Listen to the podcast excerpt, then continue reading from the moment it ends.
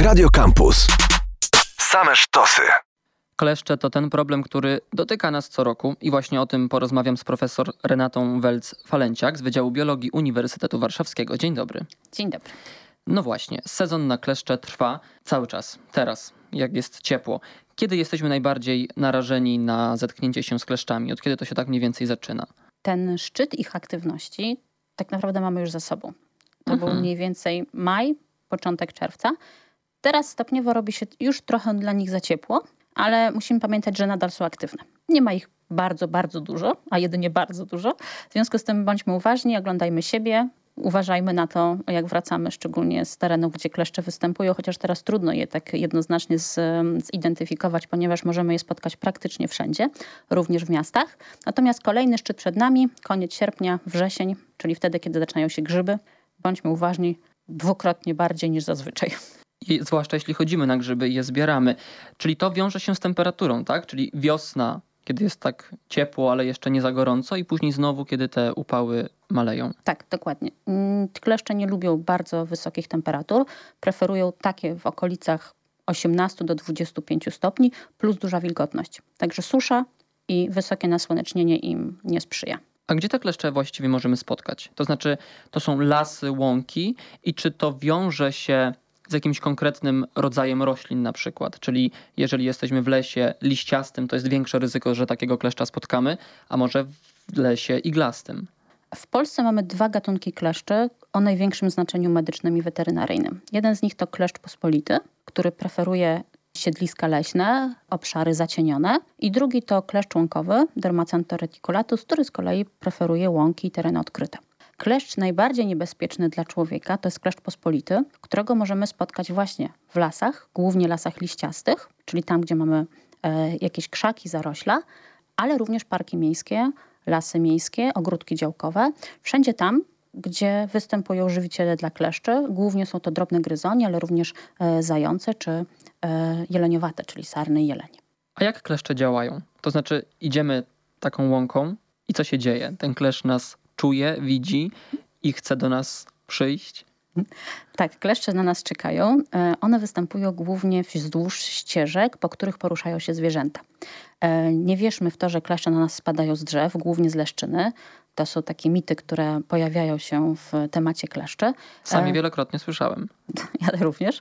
One pojawiają się wzdłuż ścieżek, których, po których poruszają się zwierzęta i wbrew pozorom nie są bardzo ruchliwe. Szacuje się, że poruszają się w obrębie do jednego metra. To, że występują naprawdę wszędzie, jest zasługą zwierząt, które je przenoszą.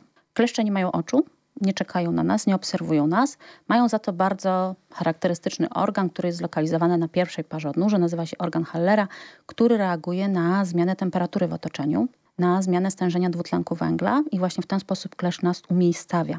A potem dostaje się na naszą skórę, kiedy właśnie przechodzimy koło jakiejś zarośli, mniej więcej do wysokości jednego metra i klesz przyczepia się do naszych najczęściej ubrań, bądź też gołej skóry, jeżeli nie jesteśmy ubrani w długie spodnie na przykład. Czyli kleszcz czuje nasze ciepło i czuje nasz oddech poniekąd. Tak. Są również prace, które mówią o tym, że wyczuwa e, składniki naszego potu. A kto jest najbardziej narażony w związku z tym? To są dzieci, dorośli, czy to zupełnie nie ma znaczenia? Dzieci może tylko dlatego, że są bardziej ruchliwe i lubią Okej. wchodzić w różne krzaki i zarośla. E, natomiast nie ma tutaj reguły. Zależy to od tego, w jaki sposób się poruszamy po lesie. Czy mm, zbieramy grzyby i chodzimy pomiędzy drzewami, czy trzymamy się szerokich alei leśnych i wtedy to ryzyko jest oczywiście mniejsze. Pamiętajmy również, że kleszcze bardzo lubią nasze zwierzęta, głównie psy, które jak są spuszczone, przynoszą na sierści kleszcze do domu. I zdarza się tak, że ten kleszcz y, zmienia swojego potencjalnego żywiciela i przenosi się z, e, z psa na człowieka. Obalmy kilka stereotypów, dlatego że wielokrotnie słyszałem, mówi pani profesor o tym, że kleszcze przyciąga ciepło, dwutlenek węgla, ale wielokrotnie słyszałem na przykład o takich informacjach, że na przykład odpowiednia, odpowiedni rodzaj krwi, grupa krwi, którą my mamy, powoduje, że te osoby chętniej kleszcze, przez kleszcze są wybierane. To znaczy, że takie osoby częściej złapią kleszcza, jeżeli mają konkretną grupę krwi. A może to zupełnie nie ma nic wspólnego ze sobą. Pojawiają się takie doniesienia o grupach krwi, o e, różnych elementach, które mogą kleszcze bardziej przyciągać, bądź wręcz przeciwnie, je odstraszać. Natomiast nie przywiązywałabym do tego aż tak dużej wagi.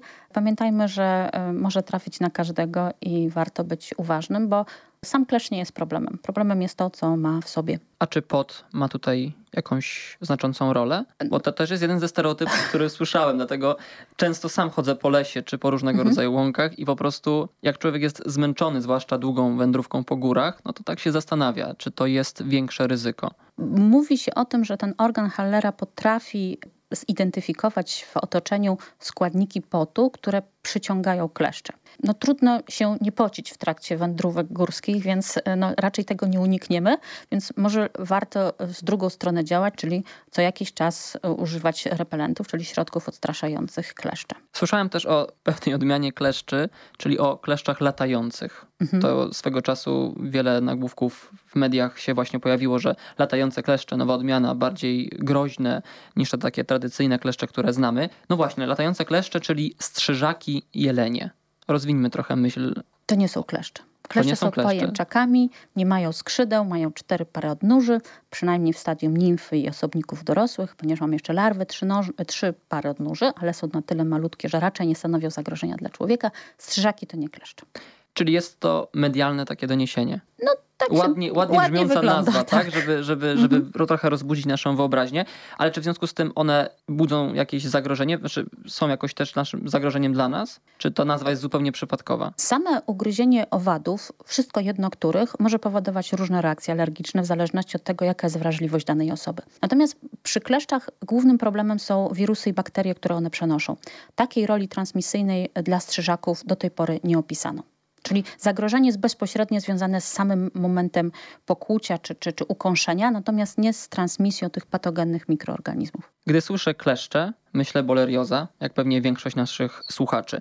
Powiedzmy nieco więcej o tej chorobie. Krętki borelia, które wywołują boreliozę z Lyme, są przenoszone przez kleszcze, a szacuje się, że w Polsce zarażonych jest mniej więcej od 19 do nawet 30% kleszczy, w zależności od regionu, gdzie te kleszcze występują. Borelioza jest taką dosyć podstępną chorobą, ponieważ daje bardzo mało specyficzny objaw. Jednym z takich typowych objawów jest rumień wędrujący, który może pojawić się około od jednego do nawet 4-5 tygodni od momentu pokłucia przez kleszcze. Pamiętajmy jednak, że rumień wędrujący jest e, charakterystyczny ze względu na wielkość. Jego wielkość to minimum 5 cm i stale się powiększający nawet do 80, a nawet czasem 100 cm średnicy, czyli to jest bardzo duża zmiana. Jeżeli zaobserwujemy coś, coś w miejscu, gdzie było, byliśmy pokłóci przez kleszcza, warto taką zmianę sobie na przykład zaznaczyć długopisem i sprawdzić, czy ona się powiększa. Ponieważ po kleszczu może pojawić się miejscowy stan zapalny czy zwykła reakcja alergiczna na to, co kleszcz miał w ślinie, ale niekoniecznie musi to być rumień wędrujący. Jeżeli cokolwiek się pojawi i nas niepokoi, udajmy się jak najszybciej do lekarza. To praktyczna wskazówka, która pozwala nam właśnie odróżnić poważne objawy od tych mniej poważnych, z którymi możemy czuć się spokojni. Ale o boleriozie słyszałem wiele, no może znowu mitów. Obalmy je w takim razie, że bolerioza może objawić się po wielu, wielu latach. To znaczy, że kiedyś, przed laty, 10 lat temu byliśmy ugryźleni przez kleszcza i nagle teraz nie wiadomo, co się dzieje. Nagle jakieś dziwne zachowanie, nasz organizm źle reaguje. Później okazuje się, że no kiedyś musiał ugryźć nas kleszcz. Tak, może się zdarzyć, że Pierwsze objawy, bardzo mało specyficzne, grypopodobne, takie jak bóle głowy, podwyższona temperatura czy bóle stawów kompletnie nas nie zaniepokoją. Czyli zrzucimy to na karp jakiejś zwykłej infekcji wirusowej, a dopiero po kilku miesiącach, a nawet latach pojawiają się takie objawy jak zapalenia stawów czy zapalenia mięśnia sercowego, których nie będziemy w żaden sposób łączyć z tym pokłuciem przez, przez kleszcza kilka miesięcy temu. Pamiętajmy o tym, że ten kleszcz nas kiedyś ugryzł. E, warto sobie po okresie mniej więcej 4 do 6 tygodni tygodni wykonać badanie krwi w kierunku specyficznych przeciwciał, w kierunku boreliozy. Pamiętajmy, że wcześniej nie ma to sensu, czyli ten czas, tak zwane okienko serologiczne niezbędne do powstania specyficznych przeciwciał, czy to jest 4 tygodnie. Jeżeli zrobimy to wcześniej, wynik będzie ujemny, bez względu na to, czy do tej transmisji krętków doszło, czy nie. A do czego może doprowadzić bolerioza? No bo wiemy, że są takie i takie objawy, one mogą się nasilać, mogą wystąpić po dłuższym okresie, ale czy bolerioza jest chorobą uleczalną, a może prowadzącą do śmierci? Nie, nie jest to choroba śmiertelna i to co ważne, nie odnotowano wśród kręgów borelia pojawiającej się oporności na stosowane antybiotyki. Antybiotykoterapia trwa od 14 do nawet 28 dni, w zależności od postaci choroby. Pamiętajmy, że najgroźniejszą z nich jest neuroborelioza. Jeżeli tego wymaga, antybiotyki podawane są w warunkach szpitalnych. Natomiast do tej pory udowodniono, że jest to bakteria, która bardzo dobrze reaguje na stosowane antybiotyki. Czyli taka terapia antybiotykowa i możemy czuć się wtedy bezpieczni. W większości przypadków tak właśnie się dzieje. W większości przypadków. No właśnie, ale czy ugryzienie kleszcza to tylko bolerioza? Czy możemy mówić o innych chorobach, o innych konsekwencjach? Tak, i wydaje mi się, że tutaj znacznie groźniejszym e, powikłaniem, którym mm, możemy się spotkać po ukąszeniu przez kleszcza jest kleszczowe zapalenie mózgu, który co prawda dotyka mniejszej liczby osób w Polsce, ale konsekwencje neurologiczne mogą być bardzo poważne, łącznie z paraliżem. E, na szczęście przeciwko kleszczowemu zapaleniu mózgu mamy skuteczną szczepionkę. To są dwa najpoważniejsze powikłania, jeżeli chodzi o ugryzienie kleszcza, ale powiedzmy o takich konsekwencjach mniej poważnych, których nie powinniśmy mm, się bać, a jednak one wywołują gdzieś w nas e, strach. Kleszcze mogą przynosić również bakterię Anaplasma fagocytofilum, powodującą u ludzi tak zwaną anaplazmozę. Jest ona dużo, dużo rzadsza niż te, o których mówiliśmy do tej pory i również dobrze reaguje na leczenie antybiotykami. A jeśli już mówimy o kleszczach, to pamiętajmy o naszej psiej babesjozie, bo psy no, bardzo często chorują i często się kończy to tragicznie, jeśli nie zareagujemy w porę. Jeżeli nas taki kleszcz ugryzie, naturalną konsekwencją jest to, że może pojawić się jakieś zaczerwienienie, mm, no jakaś taki reakcja alergiczna. Nie powinniśmy się ich obawiać. Nie. E, jeżeli się powiększa, wzbudza nasz niepokój, pojawiają się dodatkowe objawy, bóle głowy, podwyższona temperatura, udajmy się do lekarza. Czyli krótko mówiąc, nie powinniśmy panikować, jak to często bywa. Nie i starajmy się usunąć tego kleszcza możliwie najszybciej. Naprawdę możemy zrobić to w warunkach domowych, nie potrzebujemy jeździć na SOR, y, do lekarzy. Są dostępne komercyjne różne haczyki, widełki, karty, postaci karty takiej bankomatowej z takim specjalnym wcięciem do usuwania kleszczy tuż przy skórze. Powiedzmy teraz trochę o badaniach kleszczy. Pamiętam anegdotę, mówiliśmy o niej poza anteną, że spotkałem kiedyś małżeństwo, które w komunikacji miejskiej jechało z kleszczem do szpitala na badanie. No właśnie. Jak takie badanie wygląda i czy w ogóle jest ono konieczne w każdej sytuacji, kiedy takiego kleszcza mamy? Badanie kleszcza można wykonać w celach poznawczych. Nie są to cele diagnostyczne. W żaden sposób nie powie nam wynik badania kleszcza o tym, czy sami zachorujemy. Jeżeli wynik kleszcza jest pozytywny, to będziemy wiedzieć, że być może warto zwrócić uwagę na objawy, które by nas normalnie nie zaniepokoiły. Bóle głowy, bóle, głowy, bóle mięśni, podwyższona temperatura, objawy zwykłego przeziębienia. Być może warto wtedy udać się do lekarza i powiedzieć, tak, mieliłam kleszcza, który był pozytywny w kierunku krętków borelia. Wynik negatywny badania kleszcza natomiast nie wyklucza możliwości zarażenia. Być może tych krętków było na tyle mało w kleszczu, że po prostu metody, które są obecnie stosowane, nawet metody biologii molekularnej, nie pozwalają na ich detekcję, ponieważ każda metoda ma jakiś swój poziom czułości. Jakie jest ryzyko tego, że zarazimy się od takiego pozytywnego kleszcza? Jeżeli kleszcz jest pozytywny, badania europejskie wykazują, że ryzyko zarażenia wynosi około 12-15% pod warunkiem, że kleszcz był w skórze powyżej 24 godzin. Oczywiście im dłużej, tym to ryzyko rośnie. Generalnie ryzyko zarażenia się boreliozą po pokłuciu przez kleszcza, wszystko jedno czy był kleszcz pozytywny czy nie, szacuje się w Europie na około 5%. To bardzo mało. Niewiele. Nawet tak, niewiele. Mm, co takie badanie obejmuje? W sensie, czy my powinniśmy jakoś do tego badania się przygotować? To znaczy, że tego kleszcza specjalnie, jeżeli już jedziemy do tego szpitala, jakoś go zapakować, on powinien hmm. być w całości, czy jeżeli ten kleszcz, kleszcz jest rozerwany, no to już z tego badania nic nie wyjdzie? Ja nie wiem, czy w szpitalu będą akurat tego kleszcza badać, okay. natomiast są prywatne laboratoria, które jak najbardziej takie badania wykonują. Dobrze by było, jakby ten kleszcz był usunięty w całości. Jeśli tak się nie stanie, to przynajmniej, aby miał tą część, to się nazywa idiosoma, ta część od głowy w dół, czyli ta, co ta część, która wystaje ze skóry, ponieważ tam są jelita kleszcza, a w jelitach kleszcza występują krętki borelia. Może by to być oczywiście kleszcz napity, należy go zapakować, jeżeli jest nadal żywy, bo czasami tak się zdarza, że uda nam się go usunąć w całości, tak aby nie uciekł. To jest bardzo ważne, bo one są no, małe, potrafią po prostu mhm. zniknąć z jakiegoś pudełeczka. Może to być na przykład torebka strunowa i takiego kleszcza można zanieść na badanie. Badania kleszczy odbywają się teraz na Uniwersytecie Warszawskim.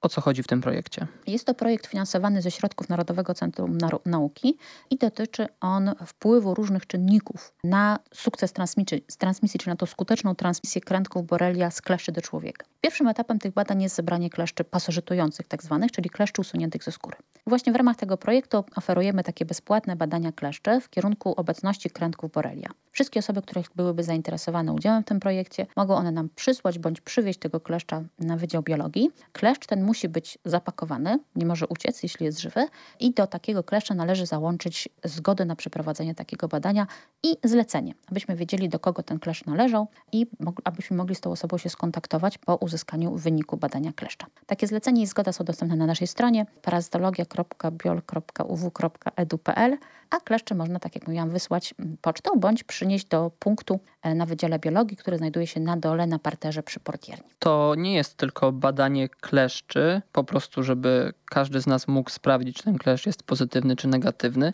ale wiąże się to z szerszym projektem. Po przyniesieniu takiego kleszcza osoby, które zdecydowały się na udział w badaniu, będą proszone przez nas o wypełnienie dwóch krótkich ankiet online. Pierwsza w momencie, kiedy ten kleszcz do nas trafi, druga po upływie około 80 tygodni i będą tam pytania dotyczące w pierwszej ankiecie miejsca ugryzienia kleszcza, gdzie ten kleszcz został znaleziony, jak długo mniej więcej przybywał w skórze, a druga ankieta dotyczy już takich objawów, które mogły się pojawić po pokłuciu przez kleszcza, czy ta osoba kontaktowała się z lekarzem, czy miała wykonywane jakieś badania w kierunku borelioza, jeśli tak, to jaki był wynik. A czy mamy jakiś termin, do kiedy te badania będą trwały? Zakładamy, że badania będą trwały do końca sierpnia, chyba że uda nam się zebrać tą liczbę kleszczy wymaganą w projekcie wcześniej. Zainteresowanie jest ogromne, więc może się zdarzyć, że zawiesimy czasowo przyjmowanie materiału na okres na przykład tygodnia czy dwóch, ale to proszę się nie zniechęcać. Kleszcz y, może być przechowywany w lodówce, może zostać zalany alkoholem w słoiczku i w tej postaci może sobie czekać nawet miesiąc. Czyli mamy jeszcze trochę czasu, ale jak sami słyszycie, zainteresowanie jest duże. O kleszczach rozmawiałem z profesor Renatą Welc-Falenciak z Wydziału Biologii Uniwersytetu Warszawskiego. Bardzo dziękuję za rozmowę. Dziękuję bardzo. Akademickie Radio Campus.